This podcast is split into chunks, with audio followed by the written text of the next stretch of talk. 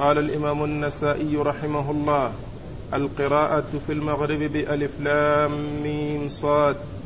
وقال أخبرنا محمد بن سلمة قال حدثنا ابن وهب عن عمرو بن الحارث عن أبي الأسود أنه سمع عروة بن الزبير يحدث عن زيد بن ثابت رضي الله عنه أنه قال لمروان يا أبا عبد الملك أتقرأ في المغرب بقل هو الله أحد وإنا أعطيناك الكوثر قال نعم. قال فمحلوفه. لقد رأيت رسول الله صلى الله عليه فمحلوفه. فمحلوفة.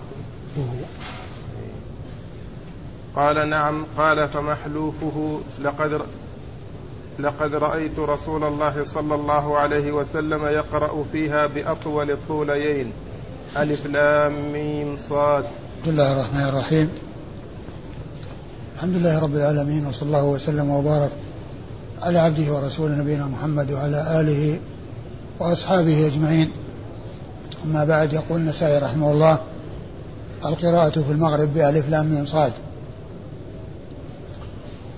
آه هذه ترجمة بعد التراجم السابقة التي اشتملت على أن النبي عليه الصلاة والسلام قرأ في المغرب بقصار المفصل وبأوساطه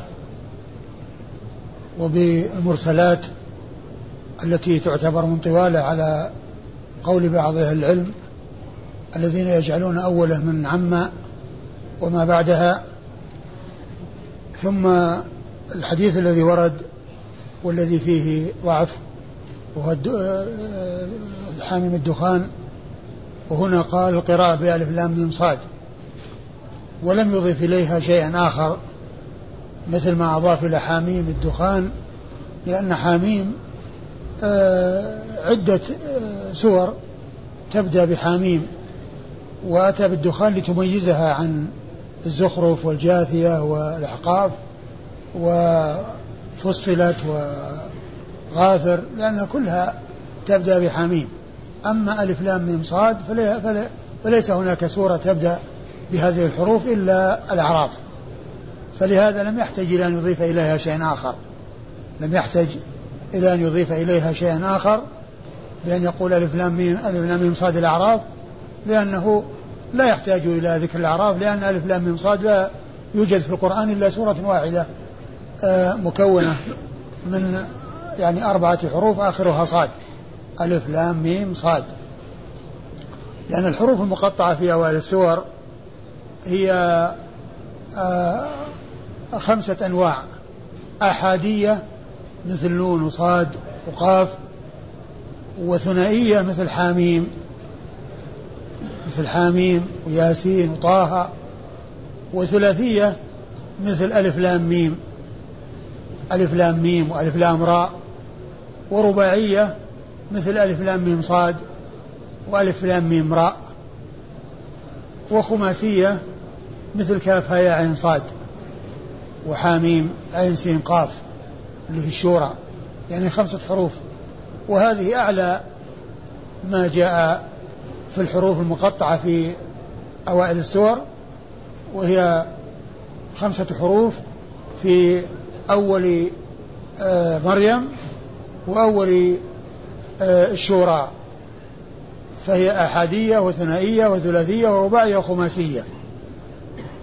هذه الحروف التي آه، وهي في تسع وعشرين سورة.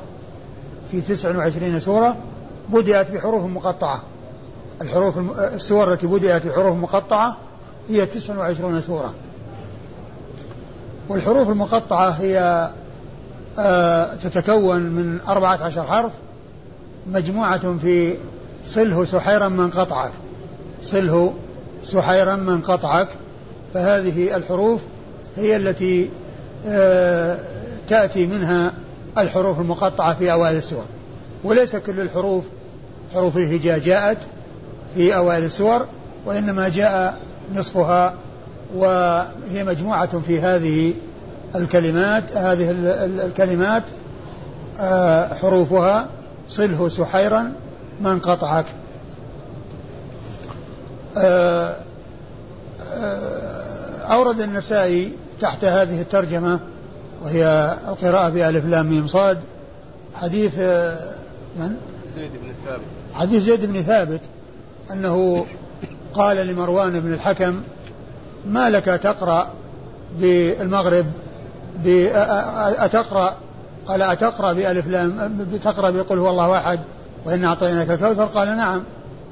يعني أنه أنه يلازم يلازم هذه القراءة. قال فمحلوفه آه لقد رأيت رسول الله صلى الله عليه وسلم يقرأ فيه فيها بأطول الطوليين آه ألف لام ميم صاد. يعني أطول السورتين الطويلتين وهي الأعراف والأنعام فإنه يقرأ بالطولة منهما التي هي أطول السورتين. أطول السورتين الأعراف والأنعام كان يقرأ بالطويلة منهما التي هي أطولهما.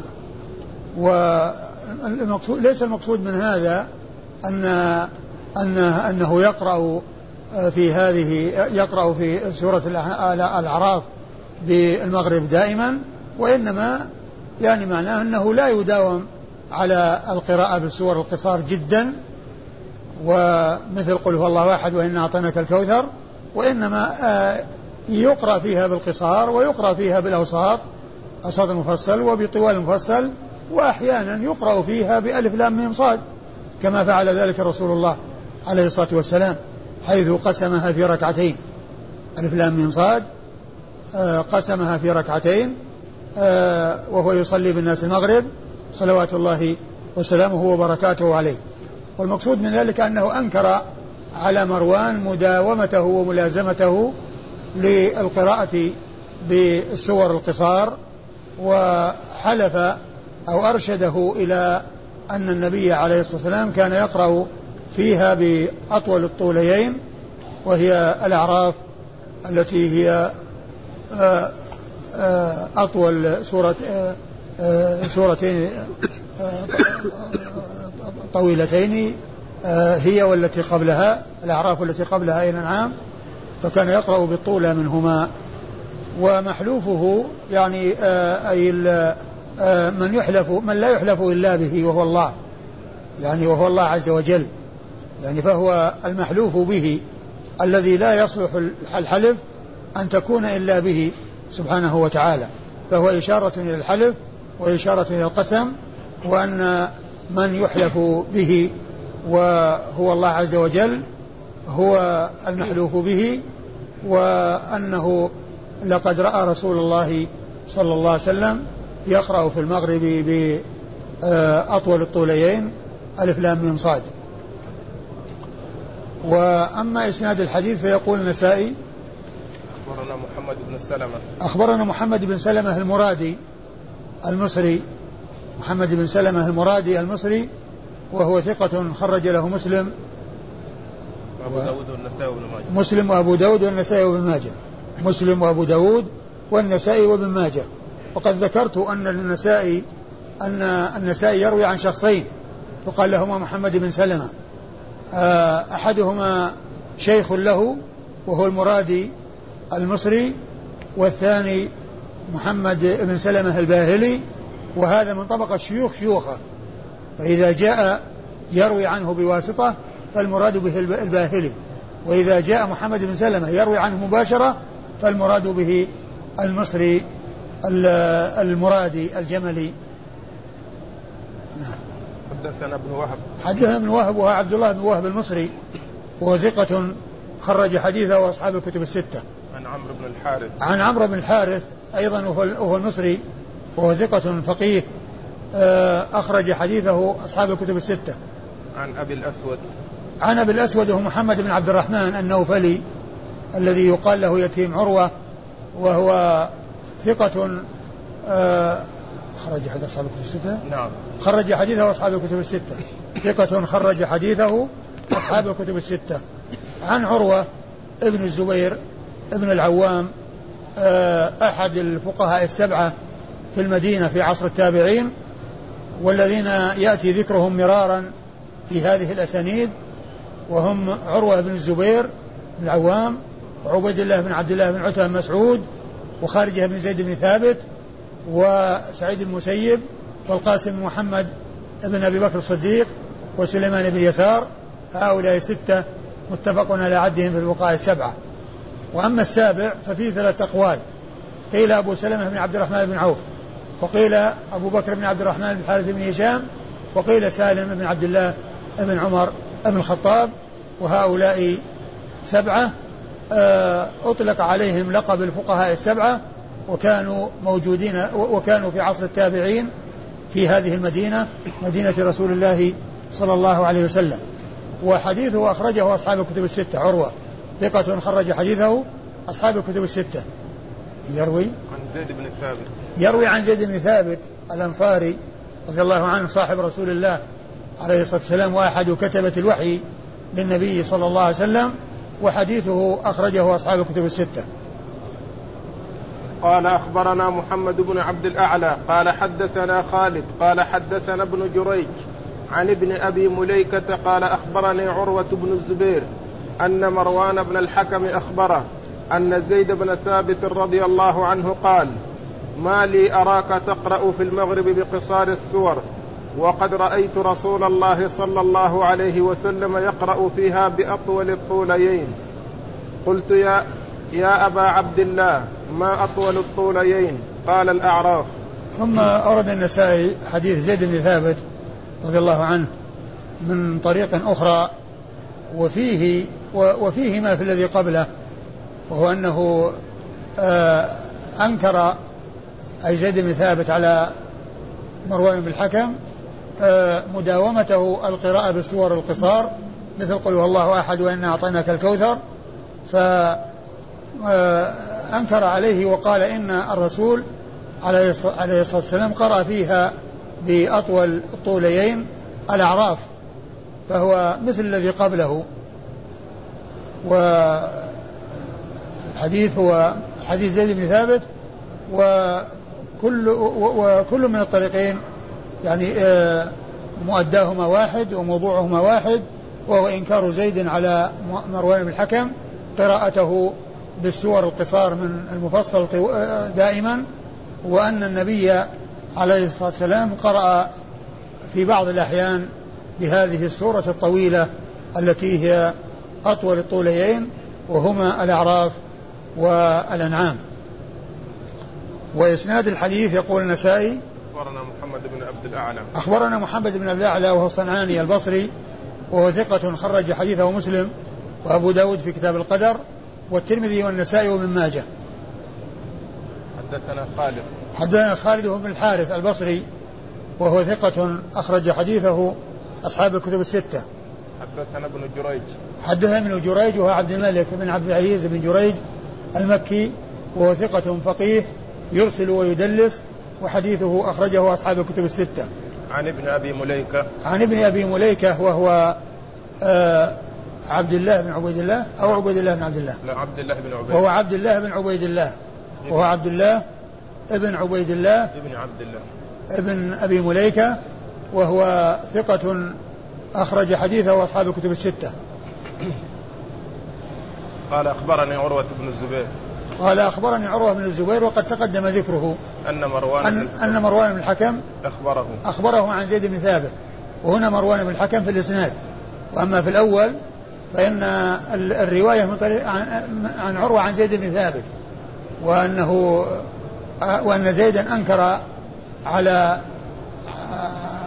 على مروان بن الحكم. وهنا مروان بن الحكم هو الذي يحدث عروة بن الزبير أن آه، زيد بن ثابت أنكر عليه وقال ما لك تقرأ بهذه السور.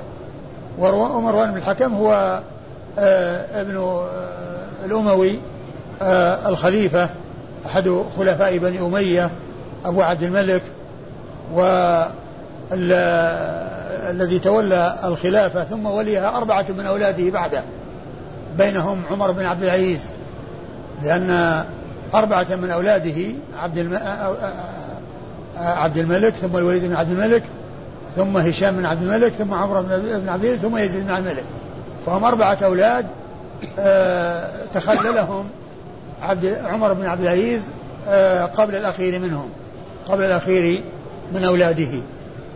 وعن زيد بن ثابت وقد تقدم ذكره وحديثه عند البخاري والأربعة. وخرج حديث البخاري وأصحاب السنن الأربعة. مروان بن الحكم خرج حديثه البخاري وأصحاب السنن الأربعة.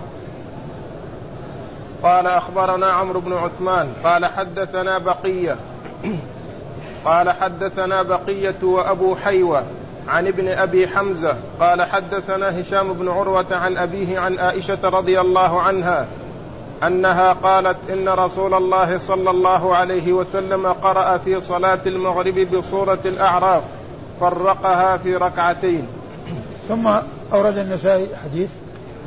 حديث عائشة.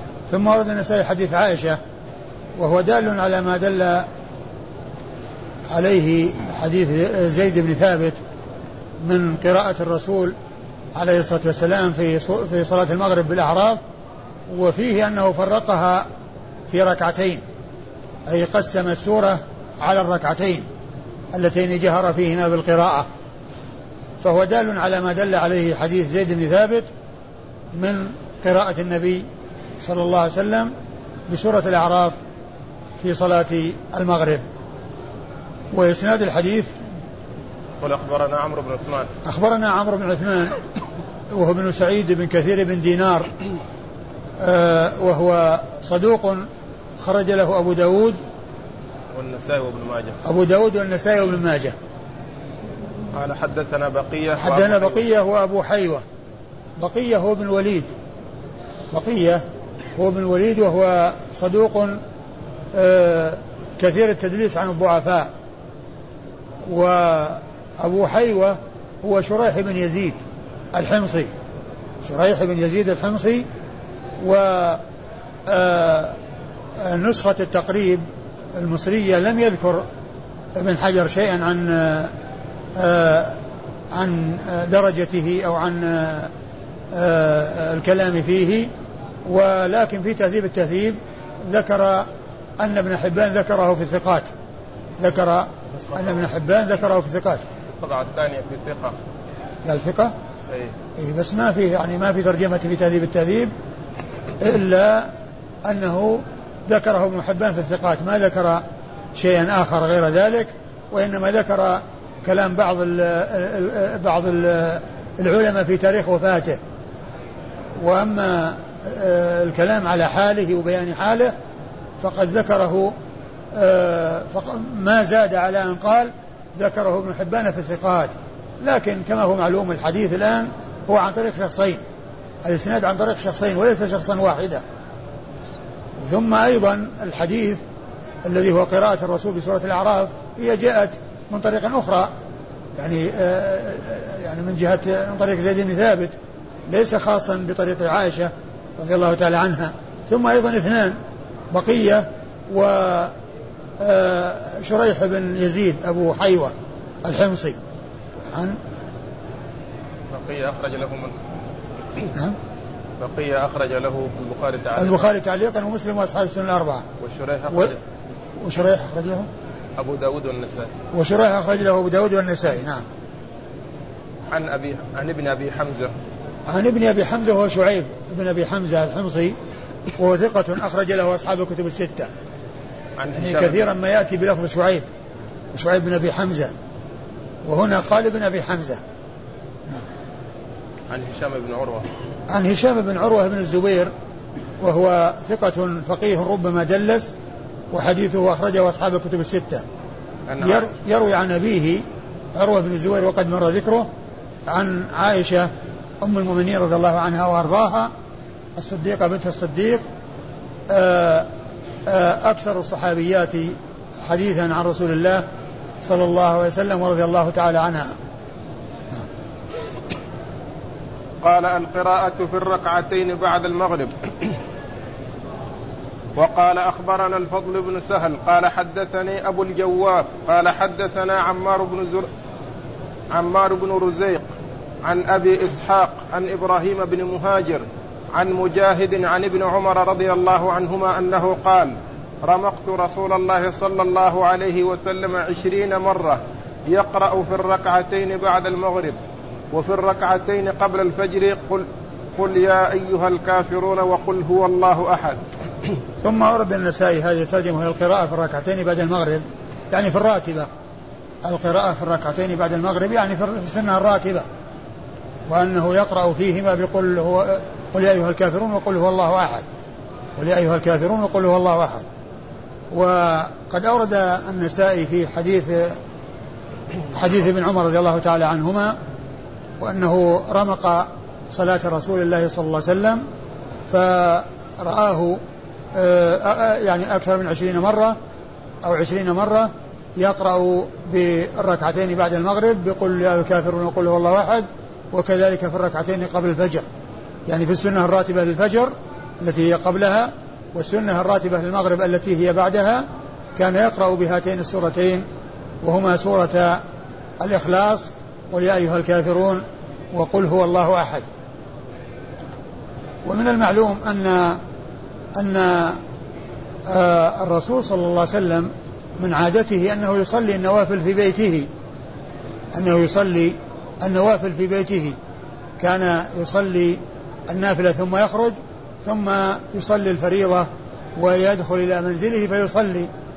فلا أدري يعني وجه كون عبد الله بن عمر يعني آه، آه، رمقه إلا أن يكون عنده في منزله يعني في عدد من الأوقات يعني قبل الصلاة أو بعد الصلاة ورآه يعني يعمل هذا العمل الذي هو كونه يقرأ بهاتين الركعتين.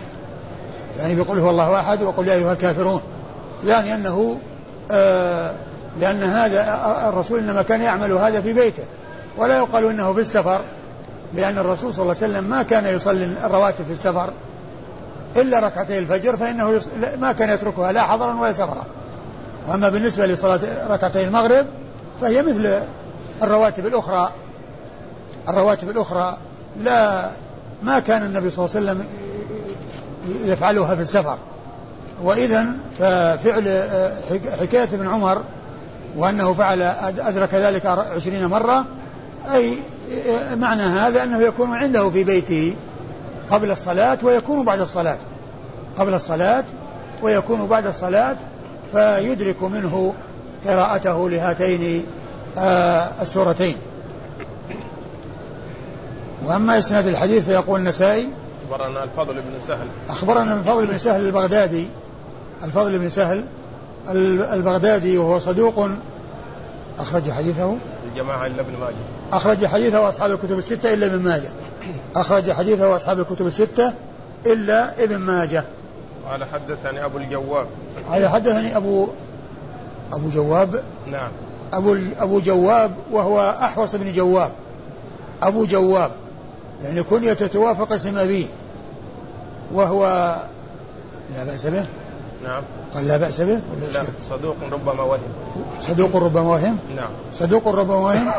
أخرج له. مسلم أبو داود والترمذي والنسائي. أخرج له مسلم وأبو داود والترمذي والنسائي. مسلم وأبو داود والترمذي والنسائي. قال حدثنا عمار بن رزيق. قال حدثنا عمار بن رزيق. عمار بن رزيق وهو لا بأس به. أي نعم. نعم وهو لا بأس به. أخرج له مسلم وأبو داود والنسائي وابن ماجه. مسلم وأبو داود والنسائي وابن ماجه. مسلم وأبو داود والنسائي وابن ماجه. أيوه. عن أبي إسحاق. عن أبي إسحاق السبيعي الهمداني السبيعي عمرو بن عبد الله وهو ثقة أخرج حديثه أصحاب الكتب الستة. عن إبراهيم بن مهاجر. عن إبراهيم بن مهاجر وإيش قال عنه؟ صدوق لين الحفظ. صدوق لين الحفظ أخرج له مسلم والأربعة. أخرج له مسلم وأصحاب أصحاب السنن الأربعة. أيوه. عن مجاهد عن ابن عن مجاهد بن جبر المحدث المفسر وهو ثقة أخرج حديثه أصحاب الكتب الستة. عن ابن عمر. عن عبد الله بن عمر بن الخطاب رضي الله تعالى عنهما صاحب رسول الله عليه الصلاة والسلام وأحد العباد الأربعة في الصحابة الذين هم عبد الله بن عمر وعبد الله بن عمرو وعبد الله بن الزبير وعبد الله بن عباس وأحد السبعة الذين عرفوا بكثرة الحديث عن رسول الله صلى الله عليه وسلم ورضي الله تعالى عن الصحابة أجمعين. قال الفضل في قراءة قل هو الله أحد. وقال أخبرنا سليمان بن داود عن ابن وهب قال حدثنا عمرو بن الحارث عن سعيد بن أبي هلال أن أن أبا الرجال محمد بن عبد الرحمن حدثه عن أمه عمرة عن عائشة رضي الله عنها أنها قالت إن رسول الله صلى الله عليه وسلم بعث رجلا على سريه فكان يقرأ لأصحابه في صلاتهم فيختم بقل هو الله أحد. فلما رجعوا ذكروا ذلك لرسول الله صلى الله عليه وسلم. فقال سلوه لأي شيء فعل فعل ذلك. فسألوه فقال لأنها صفة الرحمن عز وجل فأنا أحب أن أقرأ بها.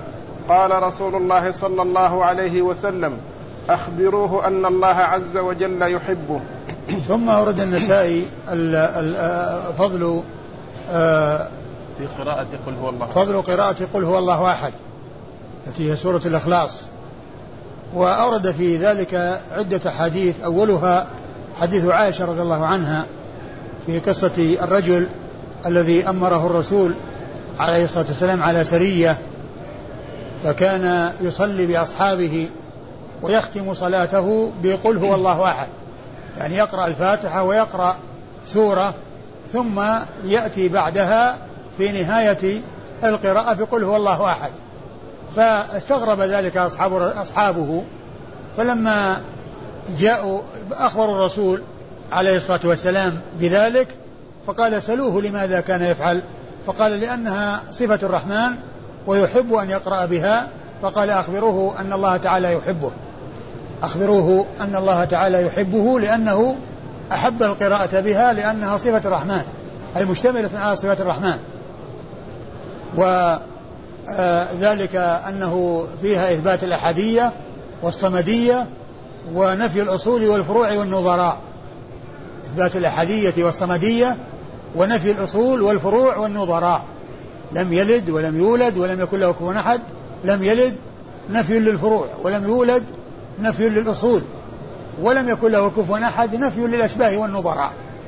الله تعالى ليس كمثله شيء وهو الغني عن كل أحد. ولهذا لما جاء ذكره الصمد والصمد قيل في تفسيره هو الغني عن كل من سواه والمفتقر إليه كل من عداه الذي تصمد إليه الخلائق بحوائجها. ذكر بعد ذلك بعد هذا الإثبات آه النفي المتضمن إثبات كمال. لله عز وجل وذلك أنه الصمد المستغني عن كل أحد والذي لا يستغني عنه أحد.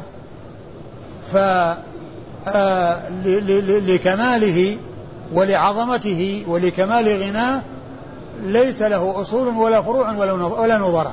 لم يلد ولم يولد ولم يكن له كفوا أحد. فهي مشتملة على صفة الرحمن. وفي هذا إطلاق الصفة على الله عز وجل وأنه يقال لصفاته صفات وهذا الصحابي قال صفة الرحمن يعني هذا اللي اشتملت عليه السورة ففيه إطلاق الصفة على الله عز وجل وأنه يقال لصفاته آه، يقال لها صفات وإطلاق الصفة عليه جاء في هذا الحديث الذي آه، جاء عن هذا آه، الذي قاله ذلك الصحابي وأخبر وقال الرسول صلى الله عليه وسلم لأصحابه أخبروه بأن الله تعالى يحبه. فهو دال على فضل هذه السورة ودال أيضا على أنه يمكن أن يجمع في ركعة واحدة بأكثر من سورة لأن كونه يقرأ بقول هو الله أحد ويقرأ قبلها سورة أو شيء من القرآن معناه أنه يعني يدل على أنه يجوز قراءة أكثر من سورة في ركعة واحدة يعني يقرأ سورتين أو أكثر في ركعة واحدة. هذا الحديث يدل على هذا. ويدل أيضا على أنه يمكن أن الإنسان يقرأ سورة متأخرة في المصحف قبل سورة متقدمة عليها في المصحف لأن هذا الرجل يختم بقول هو الله أحد في كل ركعة من الركعات ومن المعلوم أنه ليس بعد سورة قل هو الله أحد في المصحف إلا سورتان وهي سورة آه، سورة قل أعوذ برب الفلق وقل أعوذ برب الناس وباقي سورة القرآن كلها قبلها. فإذا معناه أنه يقرأ سورة متأخرة آه، قبل سورة متقدمة. قبل سورة متقدمة. ما دام إن كل ركعة يعني يختمها بقول هو الله احد فالسورة التي بعد الركعة التي بعدها يأتي آه، فيها بسورة وقل هو الله احد ومعنى هذا أن أنه يجوز أن آه، تقرأ سورة متأخرة في المصحف مقدمة على سورة قبلها في المصحف لكن هذا خلاف الأولى. والأولى هو أن يكون تكون القراءة على حسب ترتيب المصحف. وهذا جائز. لكن الأولى هو أن آه، يكون تكون القراءة بالترتيب بترتيب المصحف. لأن هناك خلاف بين العلماء بترتيب السور هل هي بالنص أو بالاجتهاد. وجمهور العلماء على أنها بالاجتهاد لا بالنص. و فعل هذا الصحابي يدل على هذه المسألة وهي أنه يجوز أن يقرأ سورة متأخرة في المصحف ثم يقرأ بعدها سورة متقدمة عليها في المصحف. الإسناد؟ أخبرنا سليمان. أخبرنا؟ سليمان بن داود. أخبرنا سليمان, سليمان بن داود وهو أبو الربيع المصري.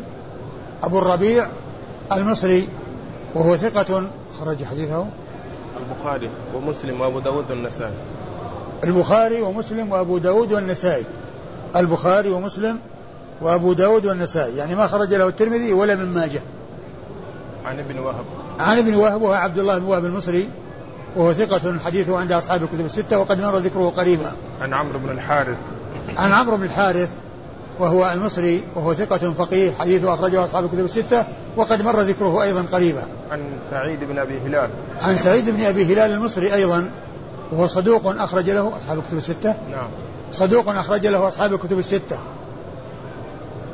يروي عن أبي الرجال محمد بن عبد يروي عن أبي الرجال محمد بن عبد الرحمن المدني. محمد بن عبد الرحمن المدني وهو ثقة خرج له البخاري. ومسلم والنسائي وابن ماجه. البخاري ومسلم والنسائي وابن ماجه. البخاري ومسلم والنسائي وابن ماجه.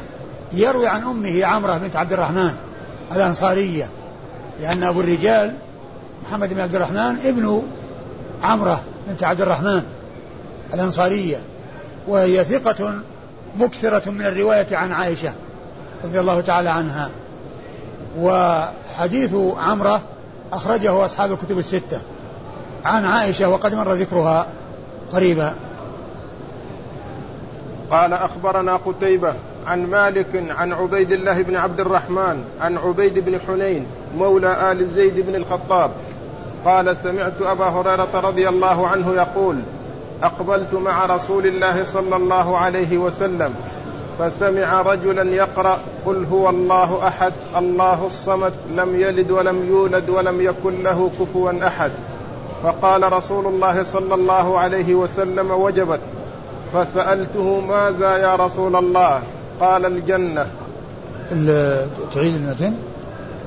عن أبي هريرة رضي الله عنه قال أقبلت مع رسول الله صلى الله عليه وسلم فسمع رجلا يقرأ قل هو الله أحد. الله الصمد لم يلد ولم يولد ولم يكن له كفوا أحد. فقال رسول الله صلى الله عليه وسلم وجبت. فسألته ماذا يا رسول الله؟ قال الجنة. ثم ورد النسائي حديث أبي هريرة رضي الله عنه أنه كان مع النبي عليه الصلاة والسلام فسمع رجلا يقرأ قل هو الله أحد الله الصمد لم يلد ولم يولد ولم يكن له كفوا أحد فقال النبي صلى الله عليه وسلم وجبت قال أبو هريرة ما وجبت يا رسول الله؟ قال الجنة.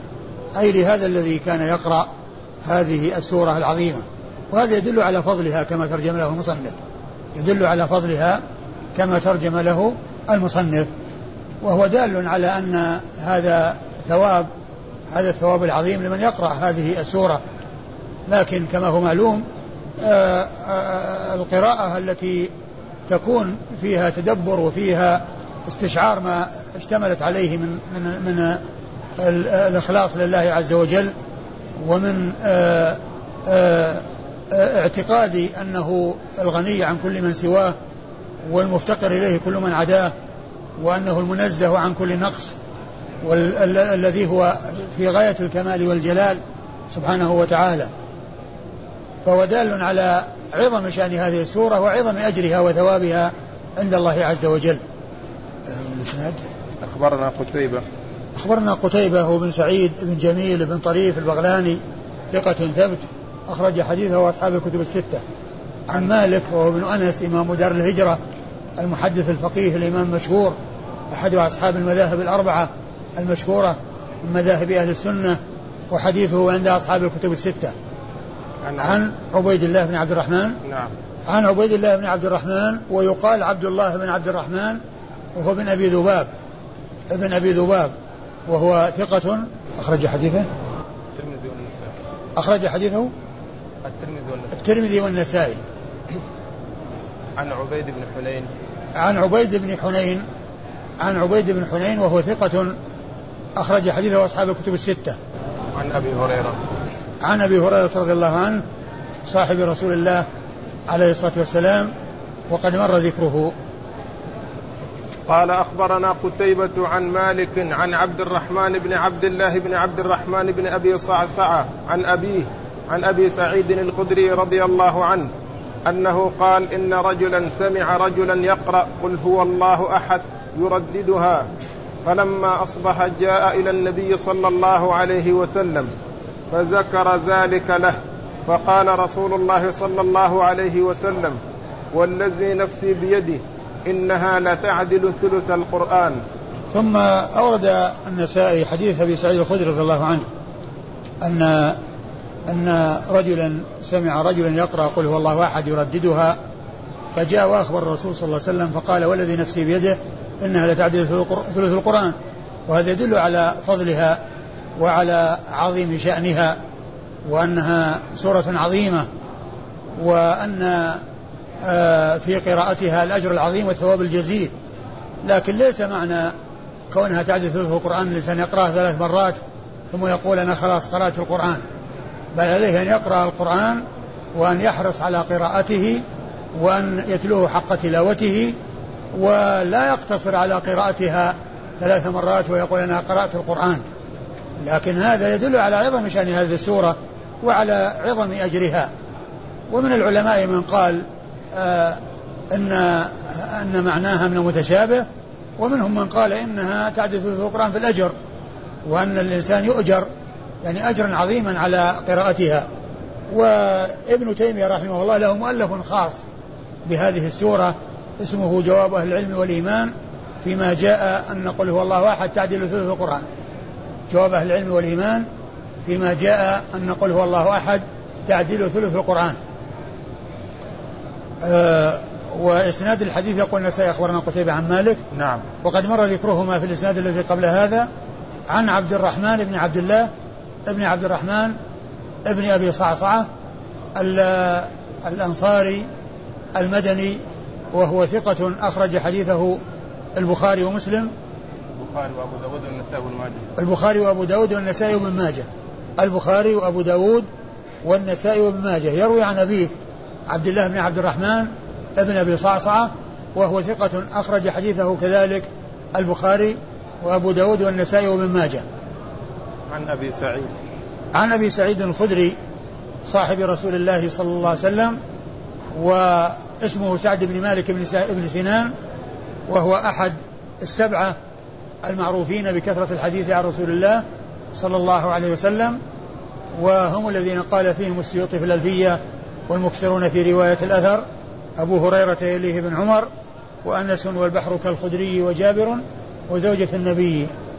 والله تعالى أعلم وصلى الله وسلم وبارك على عبده ورسول نبينا محمد وعلى آله وأصحابه أجمعين.